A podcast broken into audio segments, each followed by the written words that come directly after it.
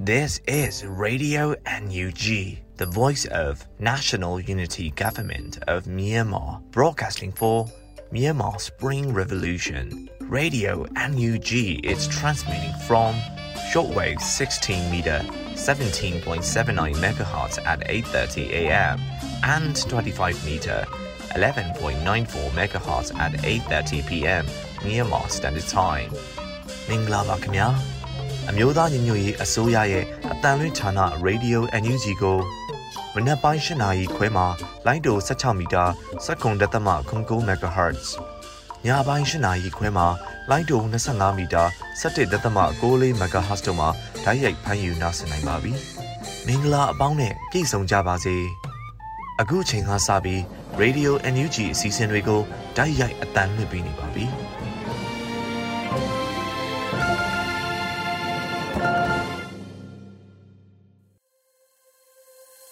မြန်မာနိုင်ငံသူနိုင်ငံသားအပေါင်းတဘာဝပြီးစစ်အာဏာရှင်ဘေးတော့နေကင်းဝေးပြီးကိုစိတ်နှပါကြမ်းမလုံးခြုံပေးကင်းကြပါစေလို့ရေဒီယို UNG အဖွဲ့သားများကဆုတောင်းမေတ္တာပို့သလိုက်ရပါတယ်ရှင်။အခုချိန်ကစပြီးရေဒီယို UNG ရဲ့စည်ရေးသတင်းကောက်နှုတ်ချက်ကိုနေဦးနိုင်ကဖတ်ကြားတင်ပြပေးပါမယ်ရှင်။မင်္ဂလာပါခင်ဗျာအခုချိန်ကစပြီး2024ခုနှစ်ဖေဖော်ဝါရီလ4ရက်နေ့မနက်ခင်းမှာတင်ပြပေးမယ် Radio NUG စည်ရေးသတင်းများကိုဖတ်ကြားတင်ပြပေးသွားမှာဖြစ်ပါတယ်ခင်ဗျာ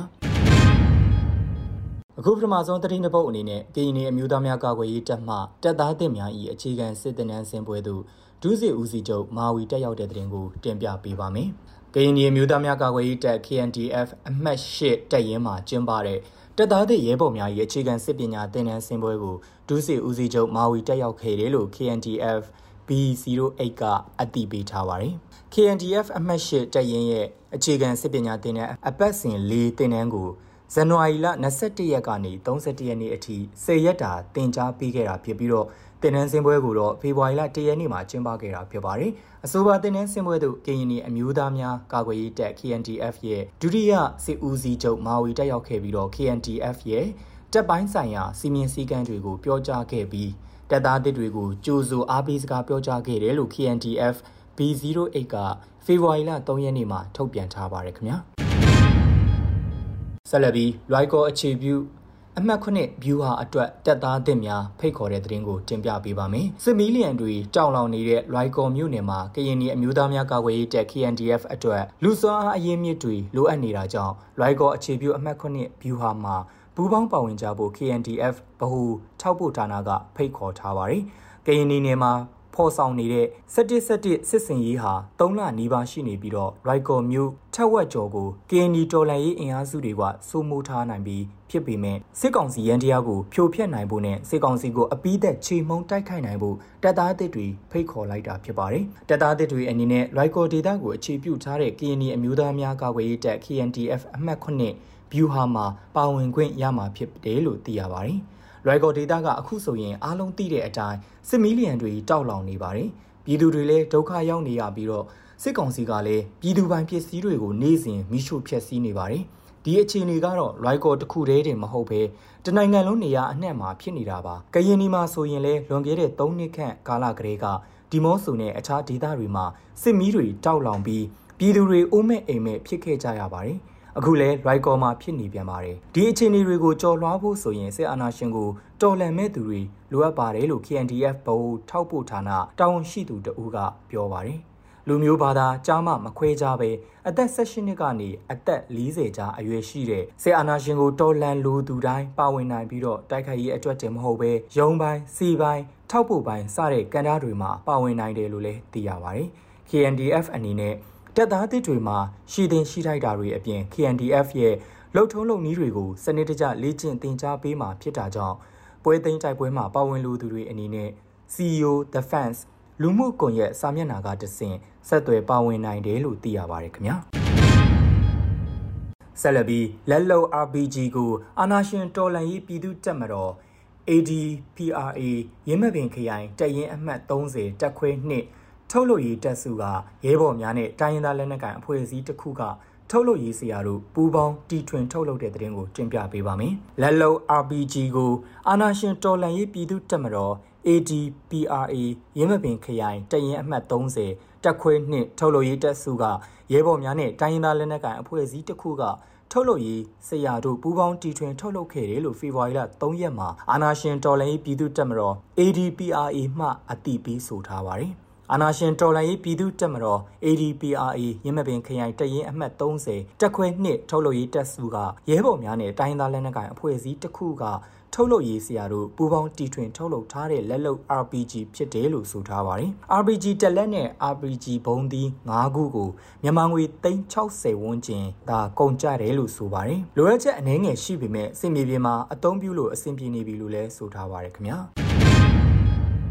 ဆလဘီ CDF မတူဘီရဲ့မိုင်းဆွဲတိုက်ခိုက်ခြင်းခံခဲ့ရတဲ့စစ်ကောင်စီစစ်ကြောင်း6ဦးအထိဒဏ်ရာရရှိခဲ့ပြီးတဲ့နောက်ချမ်းပြန်ရွာလုံးကျွတ်မီးရှို့ဖျက်ဆီးခဲ့တဲ့တဲ့တင်ကိုတင်ပြပေးပါမယ်။ချင်းပြည်နယ်မင်းတပ်မတူပီပြည်တော်စုလမ်းမဘက်ကိုစစ်ကြောင်းထိုးလာတဲ့မတူပီမြို့အခြေဆိုင်ခလာရ334စစ်ကြောင်း CDF မတူပီရဲ့မိုင်းဆွဲတိုက်ခိုက်ခဲ့တာကြောင့်6ဦးဒဏ်ရာရရှိခဲ့ပြီးတဲ့နောက်ချမ်းပြန်ရွာလုံးကျွတ်နီပါ မိရှုဖျက်ဆီးခဲ့တယ်လို့ CDF မတူဘီကထုတ်ပြန်ထားပါတယ်။ဘေဘွိုင်လာတရက်နေ့မှာမင်းတပ်မတူဘီလန်ချန်ပီယံခရွာဘက်ကိုအင်အား200ဝန်းကျင်ဖြင့်စစ်ကြောင်းထိုးလာတဲ့ခလာရ304စစ်ကြောင်းကို CDF မတူဘီကပဒေသာမိုင်းဖြင့်မိုင်းဆွဲတိုက်ခိုက်ခဲ့ရာစစ်သား6ဦးထိဒဏ်ရာရရှိခဲ့တယ်လို့ဆိုပါတယ်။အဲဒီလိုမိုင်းဆွဲတိုက်ခိုက်ခံခဲ့ရပြီးတဲ့နောက်အထိနာသွားတဲ့စစ်ကောင်စီတပ်ကဖေဖော်ဝါရီလ2ရက်နေ့မနက်၈နာရီဝန်းကျင်မှာ ချန်ပီယံခရွာရှိပြည်သူနေအိမ်များကိုအကြောင်းမဲ့မိရှုဖျက်ဆီးခဲ့တယ်လို့လည်းသိရပါတယ်။၎င်းစစ်ကြောင်းအင်အား200တဲမှထက်ဝက်ခန့်ဟာမတူပီမြို့ပေါ်ဘက်ကိုပြန်လည်ဆုတ်ခွာသွားခဲ့ပြီးမြအင်အားတရာခန့်ကြန့်ရှိနေသေးတာကြောင့်အချိန်မရွေးတိုက်ပွဲများဖြစ်ပွားနိုင်ကမိဘပြည်သူများအနေဖြင့်မတူပီမင်းတက်လန်းကိုအတုံးမပြူကြရန်နဲ့တောထွက်အမဲလိုက်ခြင်းများမပြုတ်လောက်ကြပါရန် CDF မတူပီမှအသိပေးထားပါရခင်ဗျာ။ တံပြူစေရက်မှာပြည်သူစစ်ခေါင်းဆောင်အပါအဝင်နှစ်ဦးကိုလက်နက်နဲ့အတူတောင်ညူစစ်ကြောင်းဖမ်းဆီးရမိတဲ့တဲ့တင်ကိုဆက်လက်တင်ပြပေးပါမယ်။မွန်ပြည်နယ်တံပြူစေရက်မြို့မှာစစ်ကောင်စီလက်အောက်ခံပြည်သူစစ်ခေါင်းဆောင်အပါအဝင်နှစ်ဦးကိုပြည်သူ့ကာကွယ်ရေးတပ်မတော်တောင်ပိုင်းတိုင်းစစ်ဌာနချုပ်အမှတ်3စစ်ဒေသခွဲတောင်ညူစစ်ကြောင်းကလက်နက်နဲ့တကွဖမ်းဆီးရမိခဲ့တယ်လို့ဖေဖော်ဝါရီလ3ရက်နေ့မှာအသိပေးထုတ်ပြန်ထားပါတယ်။ဇန်နဝါရီလ29ရက်နေ့ကတံပြူစေရက်မြို့နယ် KOB ကျေးရွာအုပ်စုကနေ KOB ပြည်သူစစ်ခေါင်းဆောင်ဦးကာတွန်းခေါ်ဦးမောင်စိန်ကို၎င်းရဲ့ငါးမွေးမြူရေးချမ်းမှာအလုလုနေစဉ်ဝင်ရောက်ဖမ်းဆီးခဲ့တာဖြစ်တယ်လို့တောင်ညူစစ်ကြောင်းကဆိုပါတယ်။အဲဒီလိုဖမ်းဆီးရမှာဦးကာတွန်းအပါအဝင်ပြည်သူစစ်အဖွဲ့ဝင်ဦးမောင်နဲ့အလုသမား၄ဦးတို့ကပြန်လည်ခုခံခြင်းမရှိဘဲဖမ်းဆီးခံခဲ့ပြီးတော့ဦးကာတွန်းကင်ဆောင်တဲ့ငါးလုံးပြူတက်နဲ့တက်လက် .380G စက်တတောင်ဦးမောင်ကင်ဆောင်တဲ့ AK 47တက်နဲ့တက်လက်နဲ့ကြည်တောင်း20တို့ကိုတင်စီရရှိခဲ့တယ်လို့သိရပါတယ်။ဆက်လက်ပြီးဦးကာကျွန်းရဲ့နေအိမ်အတွင်းမှာတင်စီထားတဲ့ပြည်သူစစ်တပ်နက်များဖြစ်တဲ့ AK47 နှစ်လက် M16 တက်လက်နဲ့ကြည်21တောင်အားထပ်မံတင်စီရရှိခဲ့တယ်လို့သိရပါတယ်။ဖမ်းဆီးရမိခဲ့သူများထဲမှမသက်ဆိုင်တဲ့အလုသမား၄ဦးကိုပြန်လွှတ်ပေးခဲ့ပြီးတော့ပြည်သူစစ်ခေါင်းဆောင်အပါအဝင်2ဦးကိုတောင်ညိုစစ်ကြောင်းတက်ခွဲ တစ်မှတောင်ပိုင်းတိုင်းမှချမှတ်ထားတဲ့ဥပဒေနဲ့အညီထိန်းသိမ်းထားပြီးသက်ဆိုင်ရာကိုလွှဲပြောင်းပေးရသွားမယ်လို့အသိပေးထားပါရခင်ဗျာကော့ကရင်းမြို့နယ်မှာတိုက်ပွဲမရှိဘဲတိုက်လေရင်ဖြင့်ပေါင်900ဘုံများကျဲချစာတင်ကျောင်းနဲ့အိမ်အချို့ပျက်စီးတဲ့တဲ့ရင်ကိုတင်ပြပေးပါမယ်။ကရင်ပြည်နယ်ကော့ကရိတ်မြို့နယ်မှာတိုက်ပွဲဖြစ်တာမရှိဘဲအကြမ်းဖက်စစ်တပ်ရဲ့တိုက်လေရင်ကပေါင်900ဘုံတွေကျဲချခဲ့တာကြောင့်စာတင်ကျောင်းနဲ့အိမ်အချို့ပျက်စီးခဲ့တယ်လို့ KNU ဗဟိုကထုတ်ပြန်ထားပါတယ်။ နေပြည်တော်လေတက်ကတက်လာတဲ့ YAK Yak 130 Jet Fighter ကကော့ဂရိတ်မြို့နယ်ကြိုက်တုံမြို့အနီးကမိတန်ကျေးရွာစာတင်ကျောင်းဝင်းတဲကိုဖေဖော်ဝါရီလ၁ရက်မနက်တနာရီမိနစ်20မှာရွေချက်ရှိရှိနဲ့ပေါင်900ဘုံ3လုံးကျဲချခဲ့တာလို့သိရပါတယ်။ဒါအပြင်အကြံဖက်စစ်တပ်ဟာကျုံတိုးမြို့အနီးကကျေးရွာတွေကိုလက်နက်ကြီးတွေနဲ့ရွေချက်ရှိရှိနေစဉ်နဲ့အမျှရန်တမ်းပစ်ခတ်နေတာကြောင့်လူဦးရေ2000ကျော် အိုးအိမ်ဆုံးခွာထွက်ပြေးနေရတယ်လို့ဆိုပါတယ်။ဒါအပြင်ဇန်နဝါရီလ22ရက်နေ့ည8နာရီဝန်းကျင်အချိန်ကလည်းကြိုက်တုံမြို့အခြေဆိုင်ဗျူဟာကကြိုက်တုံမြို့အနီးမှာရှိတဲ့ပိုးရီကျေးရွာတဲကိုလက်နက်ကြီးတွေနဲ့ရန်တမ်းပစ်ခတ်ခဲ့တာကြောင့်အသက်42နှစ်အရွယ်အမျိုးသမီးတအူလက်နက်ကြီးစားထိမှန်ဒဏ်ရာရခဲ့တယ်လို့ KNU ဗဟိုကထုတ်ပြန်ထားပါတယ်ခင်ဗျာ။ရှုဘိုခရံအမှတ်ဆက်လေးတက်ရင်ရေဦး PDF ထံသို့ လက်နက်ခဲယမ်းများနဲ့အတူခိုးလုံလာတဲ့ဒဇယ်မြို့နယ်ကန်ထူးမှနယ်မြေရဲစခန်းမှရဲတပ်သားအားဂုံပြူစုငွေ340ကျပ်ချီးမြှင့်ခဲ့တဲ့သတင်းကိုတင်ပြပေးပါမယ်။ရွှေဘိုခရိုင်အမှတ်14တရင်ရေဦး PDF ထံသို့လက်နက်ခဲယမ်းများနဲ့အတူခိုလုံလာတဲ့ဒဇယ်မျိုးနယ်ကန်ထူးမှနေမြေရဲစခန်းမှရဲတပ်သားအားဂုံပြူစုငွေ340ကျပ် ချီးမြှင့်ခဲ့ပါတယ်။ဖေဖော်ဝါရီလ3ရက်မှာရွှေဘိုခရိုင်အမှတ်14တပ်ရင်းရေဦး PDF ကအတိပေးဆိုထားပါတယ်။မတရားသောအမိန့်များပေးပြီးခေါင်းပုံဖြတ်ဖိနှိပ်နေတဲ့စစ်ကောင်းဆောင်များအောက်မှရုံးထွက်ပြီးတော့ပြည်သူရင်ခွင်ထံအမြန်ဆုံးခိုလုံကြရန်တိုက်တွန်းအပ်တယ်လို့လည်းရွှေဘိုခရိုင်အမှတ်14တပ်ရင်းရေဦး PDF ကအတိပေးဆိုထားပါတယ်ခင်ဗျာ။အခုတင်ပြခဲ့တဲ့စစ်ရေးသတင်းတွေကို Radio NUG သတင်းတောက်မင်းတီဟန်ကိုခန့်နဲ့မင်းစစ်သွေးတို့ကပေးပို့ထားတာဖြစ်ပါတယ်ခင်ဗျာ။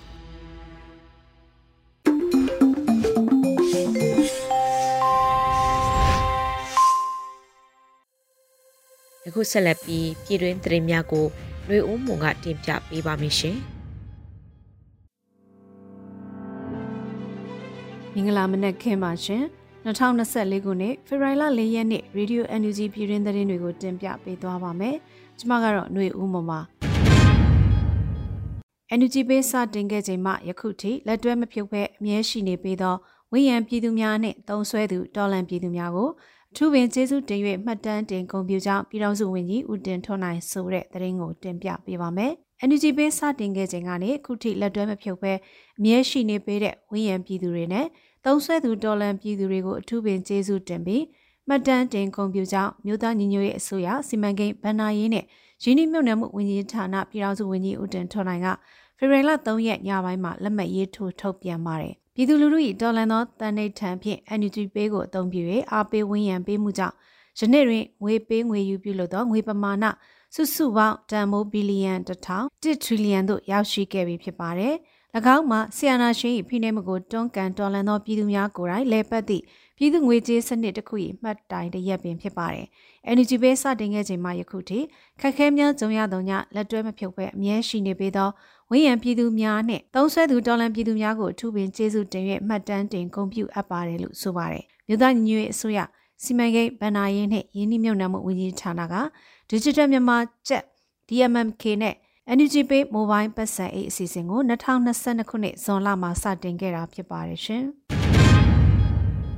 ဥရောပပါလီမန်တွင်ကျင်းပသောမြန်မာရေးဆွေးနွေးပွဲတွင်မြန်မာနိုင်ငံရေးမှမြန်မာစစ်တပ်၏ပါဝင်မှုကိုချုပ်ငြိမ်းရန်အစဉ်သင့်ဖြစ်နေပြီဖြစ်ကြောင်းပြည်ထောင်စုဝန်ကြီးဒေါက်တာဇော်ဝေစုပြောကြားခဲ့တဲ့တဲ့ရင်ကိုဆက်လက်တင်ပြပေးကြပါမယ်။ဥရောပပါလီမန်မှာကျင်းပတဲ့မြန်မာရေးဆွေးနွေးပွဲမှာမြန်မာနိုင်ငံရေးမှာမြန်မာစစ်တပ်ရဲ့ပါဝင်မှုကိုချုပ်ငြိမ်းရန်အစဉ်သင့်ဖြစ်နေပြီဖြစ်ကြောင်းပြည်ထောင်စုဝန်ကြီးဒေါက်တာဇော်ဝေစုကပြောကြားခဲ့ပါတယ်။မြန်မာနိုင်ငံတွင်ဆီယနာသိမ်းပြီးနောက်ပိုင်းဒီမိုကရေစီပြန်လည်တည်ဆောက်ရေးအခမ်းအနား Rebuilding Democracy in Post-COP မြန်မာ event ကိုမြန်မာနိုင်ငံတွင်တရားမဝင်ဆီယနာသိမ်းမှု၃နှစ်ပြည့်တဲ့2024ခုနှစ်ဖေဖော်ဝါရီလ1ရက်နေ့ဒေသစံတော်ချိန်နနက်10:00နာရီမှာနေ့လယ်12:00နာရီထိဘယ်လ်ဂျီယံနိုင်ငံရဲ့မြို့တော်ဘရက်ဆဲလ်မြို့ရှိဥရောပပါလီမန်မှာကျင်းပခဲ့ပါတယ်။ခမ်းနားမှာပြည်ထောင်စုဝန်ကြီးပေါမခဒေါက်တာဇော်ဝေဆိုကဆွေးနွေးခဲ့ရမှာဆမ်မစစ်ကောင်စီ၏အကြမ်းဖက်မှုများမရက်တန်သည့် နိုင်ငံရေးအကျဉ်းသားအလုံးမလွတ်မြောက်သေးသည့်တွဲဆုံဆွေးနွေးမှုများဖြစ်ပေါ်လာနိုင်မှာမဟုတ်ကြောင်းနဲ့မြန်မာနိုင်ငံရေးမှာမြန်မာစစ်တပ်၏ပါဝင်မှုကိုခြုံငင်းရန်အဆင်သင့်ဖြစ်နေပြီဖြစ်ကြောင်းပြောကြားခဲ့ပါတယ်။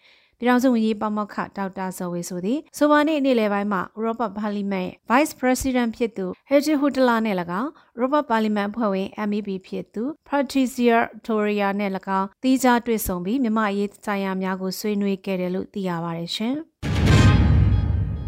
ဂျမတ်စစ်ကောင်စီကိုလက်ရှိအမှုဖွင့်ထားပြီးတရားစွဲဆိုရန်ပြင်ဆင်နေတဲ့အာဂျင်တီးနားနိုင်ငံတူရကီနိုင်ငံဖိလစ်ပိုင်နိုင်ငံတို့ပြင်ထပ်မံရေးယူနိုင်မဲ့နိုင်ငံတွေကိုလည်းရှာဖွေနေတဲ့ဆိုတဲ့သတင်းကိုတင်ပြပေးပါမယ်။ဂျမတ်စစ်ကောင်စီကိုလက်ရှိမှာမှုဖွင့်ထားပြီးတရားစွဲဆိုဖို့ပြင်ဆင်နေတဲ့အာဂျင်တီးနားနိုင်ငံတူရကီနိုင်ငံနဲ့ဖိလစ်ပိုင်နိုင်ငံတွေပြင်ထပ်မံရေးယူနိုင်မဲ့နိုင်ငံတွေကိုလည်းရှာဖွေနေတယ်လို့လူခွင့်ရေးဆိုင်ရာဝန်ကြီးကပြောပါတယ်။နိုင်ငံတကာတရားစီရင်မှုရန်တရားသမကနိုင်ငံလိုက်တရားစွဲဆိုနိုင်တဲ့ Universal Jurisdiction လုံထုံးလုံနည်းကိုအသုံးပြုပြီးဂျမတ်စစ်ကောင်စီနဲ့အပေါင်းပါတွေကိုတရားစွဲနိုင်တဲ့လမ်းကြောင်းတွေကိုရှာဖွေလှုပ်ဆောင်လျက်ရှိပါတယ်။ကမ္ဘာလုံးဆိုင်ရာတရားစီရင်ပိုင်ခွင့်လမ်းကြောင်းကိုအသုံးပြုပြီးလက်ရှိအမှုပွင့်ပြီးတရားစွဲဆိုရန်ပြင်ဆင်နေတဲ့အာဂျင်တီးနားနိုင်ငံဒိုရီကေနိုင်ငံ ဖိလစ်ပိုင်နိုင်ငံတို့ပြင်နောက်ထပ်ကမှန်ရည်ယူနိုင်မဲ့နိုင်ငံတွေကိုလည်းရှာဖွေပြီးတရားစွဲဆိုနိုင်ဖို့အတွက်ကြိုးပမ်းဆောင်ရွက်လျက်ရှိပါတယ်လို့ဝန်ကြီးကဆိုပါတယ်ရှင်။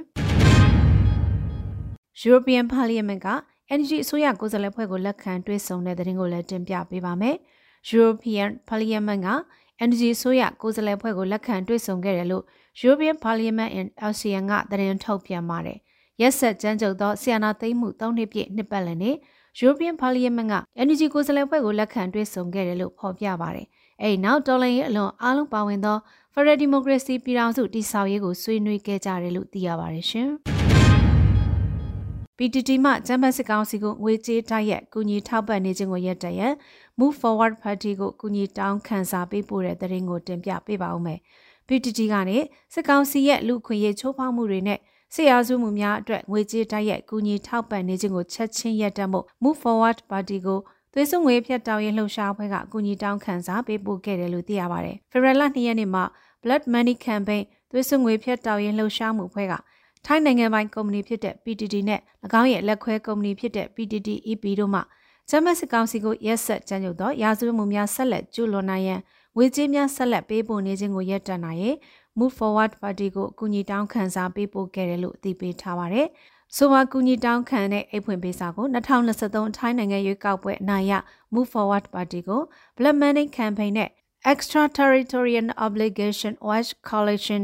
ETO's Watch Coalition အဖွဲ့တို့မှ2024ဖေဖော်ဝါရီလ10ရက်နေ့အာဏာသိမ်းရန်ကြိုးပမ်းမှု3နှစ်မြောက်နေ့မှာ Move Forward Party ရုံးသို့လူကိုယ်တိုင်သွားရောက်ပေးပို့ခဲ့တယ်လို့ဆိုပါတယ်။စစ်အုပ်စုထိန်းချုပ်ထားတဲ့သတင်းဌာနတွေရဲ့ဖော်ပြချက်အရ 2022ခုနှစ်မတ်လအထိ6လအတွင်းရေနံနဲ့သဘာဝဓာတ်ငွေလုပ်ငန်းတစ်ခုထဲမှာ American Dollar တန်ပေါင်း1900ကျော်ရရှိခဲ့တယ်လို့သိရပြီးဂျမတ်စီအုပ်စုရရှိနေတဲ့ရေနံငွေအများစုမှာ PTT ကုမ္ပဏီမှပေးချေနေတာဖြစ်တယ်လို့ဖော်ပြထားပါတယ်။ထို့ကြောင့် PTT ကုမ္ပဏီမှဂျမတ်စီအုပ်စုထက်ရေနံနဲ့ဓာတ်ငွေငွေများလွှဲပြောင်းပေးနေခြင်းကိုရပ်တန့်နိုင်ရန်ထိုင်းနိုင်ငံရဲ့နိုင်ငံပိုင်စီးပွားရေးလုပ်ငန်းမူဝါဒများအတိုင်း လွှတ်တော်တွင်လှုပ်ဆောင်နိုင်စွမ်းမှစုံစမ်းစစ်ဆေးပေးနိုင်ရန်နဲ့စီအုပ်စုရဲ့လူသားမျိုးနွယ်ပေါ်ကျူးလွန်နေတဲ့ရာဇဝတ်မှုများနဲ့စစ်ရာဇဝတ်မှုများကို PTT မှဓာတ်ရိုက်ထောက်ပံ့နေကြောင်းကြံပြုထောက်ပြပေးနိုင်ရန်အခုလိုအကူအညီတောင်းခံစာပေးပို့ခဲ့တာဖြစ်တယ်လို့သိရပါတယ်ရှင်။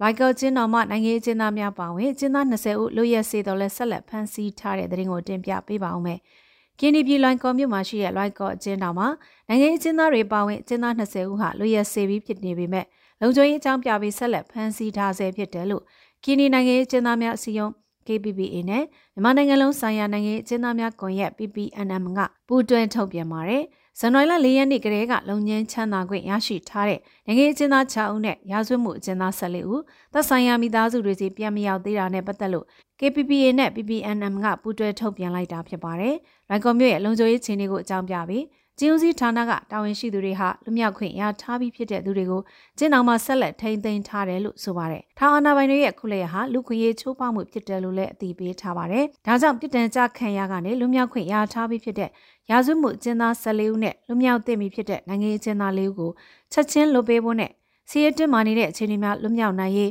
ကျင်းသားတွေနေရက်ပြန်နိုင်ရေးကိစ္စကို ICRC နဲ့ UNOCHA တို့ကကြောင်းဝင်စေ့ဆက်ကူညီဆောင်ရွက်ပေးဖို့ KPPA နဲ့ PPNM ကတောင်းဆိုထားပါတယ်။လိုက်ကော့ကျင်းတော်မှာနိုင်ငံရေးကျင်းသားများပါဝင်အကျဉ်းသား900ခန့်ရှိတယ်လို့မြန်မာနိုင်ငံလုံးဆိုင်ရာနိုင်ငံရေးကျင်းသားများကွန်ရက် PPNM မှတ်တမ်းတွေရသိရပါတယ်ရှင်။ခုတင်ပြခဲ့တဲ့သတင်းတွေကို Radio Energy သတင်းတောက်မင်းတီဟန်ကိုခန့်နဲ့မင်းစစ်သွေးတို့ကပေးပို့ထားတာဖြစ်ပါတယ်ရှင်။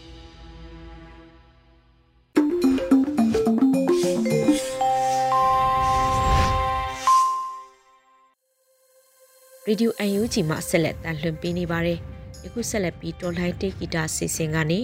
ဆလိုင်းဟုံးအောင်လင်းရေးသားထားတဲ့တော်ရန်ရှိတ်တန်ဆိုတဲ့တေးသချင်းကိုဆလိုင်းဟုံးအောင်လင်းနဲ့အတူအတမ်ကတီးဆိုထားတာနားဆင်ခံစားကြည့်ကြရအောင်ရှင်။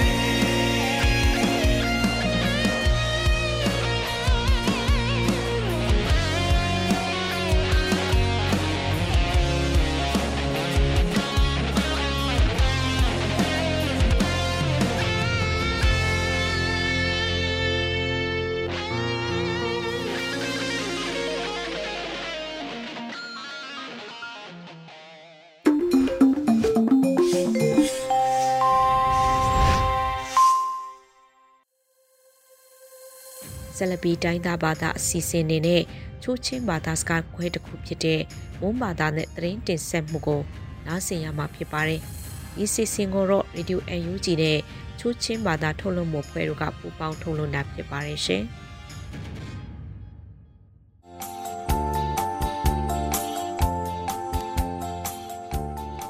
ဖိနာတူနမရိုင်နောအတုငွေခုကုမ်ထရမ်ကူလမ်ကူလက်ချီငကော့ချာခိငုံထူရီမိငိုင်ဘခါနီ အတုငောင်ထူရီလေကျူအန်ကရစီနိုအာနာရူနာခုကုပ်ထူမကုံချုပ်ချာဖြတ်ခုဒုံဒဘကေအစနာအော်ပီဂျီမောကျူဒီယာ CTF ကမ်ဘလက်တုံကာချင်းနီနောင်အတုငါလီနာအော့ခဂျီအပရန်နိုမောမိငိုင်ဘအော့ပီနီကျူဒီယာကမ်ဘလက်မောင်ရောအကုံချောင်တမန်အန်မင်ကပ်ဖာယာစေကောဒ ang bum no ka na op ki mo phi mi ngai ba op ki ni ji ti ang du sung vai me on line le ju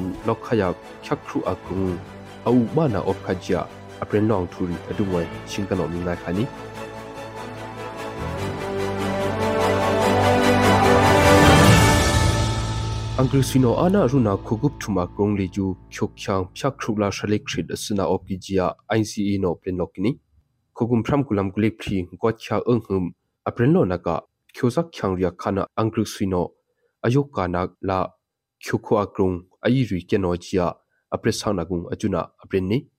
achunung leju minta mangrong ka khyangsung kokip lek thrino akdom bia kene poi ba kia mangro riung ka avan ang do khyangsung phyak thrula shalik khri kya ki jia prit kini chutia khyokho hidung sakai makui rangkongla manli khorung ka khyosak khyang phyala khrikiblek thumphi asuna opijia pitkini achuna khyang phyakrula shalik khridung leju khok khyang rila angri sui se he konne tukia se he ko ra kang bum rim ka phi om tuki jia ICA dang kano pitkini khogup thuma gro khyokong leju angri sui no khanyunga kana khrikiblek phiwe khada loni khyang ria imla khwen hana kang bum im phyam ku da dum dbagi adina pri op ki je phi pritkini CDF kambledunga tayim hale ju chinni nonga dengang dina op khajia adube khonghum riung apren lona opkini CDF kambledunga tumi khonu wakaula victoria mahuya jia tayim hale ju chinni nong ambumon atanga kungpang na op khajia january phikcha thumkip le eng hum apren lo kya kini chinni nong le ju khyokhong op kia khokhyang ria mamong bi lo waila angkru sui ra na ya yung atanga kungpang ne biwa jia zfu pdf solen cnc mintat ctf mintat cnu cntf angbup thumno kugum thram kulam kulik thum december nkhikha klung ami buma kya kini wangdang leju mtz mdf Paralen Defense Force pi chinni nonga denga kungpang na op khajia January phikha thumki ble hum apren na priop kini kample mangro taineng pha mkya pi ro la lungbo pi ro aning la kung leju moto hi angming kam hat pha ya se kong bum no kap si ajunung luk lok kia khuk chang tuman asuna op ki jia phikha collection hum CTF kample no pret kini skilleju moto kayon i o wai rim kon kia kyang tumata kene au no ka gamhat phajia pitkini achuna monglap khanale ju CTF complete tangkano mka kia ambum le ju mkanna op khaji phi pitkini athom se au naw waya akhim mtai gia angkrusile ju adube lokhaya khakhru agrong phi lakbana op khajia january phi kha thumki ble hu pren lokini အတုဘေချက်ခရုမ်တိုင်ဘာဂီကေစီအင်္ဂရိစီနိုအနာရူဘရီကွန်လေဂျူချက်ခရုချီယာအမ်ဒိုင်နာအတုဘေအန်ဖဗီယာရောလော့ကီနီအင်္ဂရိစီဖိုင်မေအွန်လိုင်းနိုအပရင်နာကုံလေဂျူအတုဘခရုတုံကနာရီကဒုံဖာနာဒိမရီနာကာအုံလာအွန်လိုင်းကနိုလှေထောက်နာဂျပ်ချန်ဂျီယာမမောင်ရီအုံနာပါတီဆုံဒီမိုကရေစီမင်းရှုနာအော့ခိုင်ကေစီအတုဘေပုံမဖြောက်ဖြီလမ်ကုလင်းဖန်ကန်တင်းဘာနေချက်ခရုအလောက်ပါကြီးအပရင်နာကမောင်နင်းငမ်သင်တူနေအတုငွိုင်ထုမင်းငါလေကျူ အရှင်ဘုံကြခါနီမြမကုကရုံလာချိုခုံနမြောက်ကြချိုဇက်ချောင်းနဘန်အယုထီစီနာအင်အိုင်နာရီအာယုမိုင်နေနိုင်ဘုံခွန်နမကျင်းနုံဆိုကြရှင်ကနောပရင်ထနီနုပါဖိနာဘန်ရိုင်းနေအုံးဘခုကုမ်တုံစီမဘခိုယုံခေငလုပွိုင်ရီဖွာခေငအဒမ်အစနာအလင်နာအပကိနီလမ်မိုင်းစလာကက်ဆက်ထေကခေငလုံရီလေကျူအန်လုံကဒံဦးနေအန်ရှိုအဂလမ်အကလုံ akhang ambutchia amingkhrana opni le mainsla khengluk pa rileju ajaw amingtung ka nak mana amhun riyung atukba khru amingtung ka nak amhun riyung huning ne ajun riya hunung rok agya gung khengluk pa riju aiya kya uno chia ngai na wai thukhani kek sakthi kia khengluk pa rila le mainsuri yapna ruruna sungon tauna miyom khina ri kabi vai ngơ vaya akduma kek the une khangri amilin vai amin hun amai vaya kyak sak hingini nanga omna ka pe yunga ngơ vaya achun mai mai ri nhu akya kung ahi khyanga nam thin tu vai chuna ga gene nanga phoping ơ vai ka kyak hang le chu boinak tumat bine achuna monglam ri mzi kya angbuma nam thin vai ဒီကနေ့ကတော့ဒီညနေပဲ Radio NUG ရဲ့အစည်းအဝေးကိုခਿੱတရနာလိုက်ပါမယ် မြန်မာစံတော်ချိန်မနက်၈နာရီခွဲနဲ့ည၈နာရီခွဲအချိန်တွေမှာပြန်လည်ဆုံးဖြတ်ကြပါစို့ Radio NUG ကိုမနက်ပိုင်း၈နာရီခွဲမှာလိုင်းဒို16မီတာစက္ကန့်တသမ9 MHz ညပိုင်း၈နာရီခွဲမှာလိုင်းဒို25မီတာ17သမ6 MHz တို့မှာဓာတ်ရိုက်ဖမ်းယူနိုင်နိုင်ပါပြီမြန်မာနိုင်ငံသူနိုင်ငံသားများကိုစိတ်နှပြကျန်းမာချမ်းသာလို့ဘေးကင်းလုံခြုံကြပါစေလို့ Radio NUG အဖွဲ့သူအဖွဲ့သားများကဆုတောင်းလိုက်ရပါတယ်။အမျိုးသားညီညွတ်ရေးအစိုးရရဲ့စက်သွေးရေးတရင်အချက်အလက်နဲ့ဤပညာဝန်ကြီးဌာနကထုတ်လွှင့်နေတဲ့ Radio NUG ဖြစ်ပါတယ်။ San Francisco Bay Area အခြေစိုက်မြန်မာမိသားစုများနဲ့နိုင်ငံတကာကစေတနာရှင်များလှုပ်အားပေးများရဲ့ Radio NUG ဖြစ်ပါတယ်။အရေးတော်ပုံအောင်ရမည်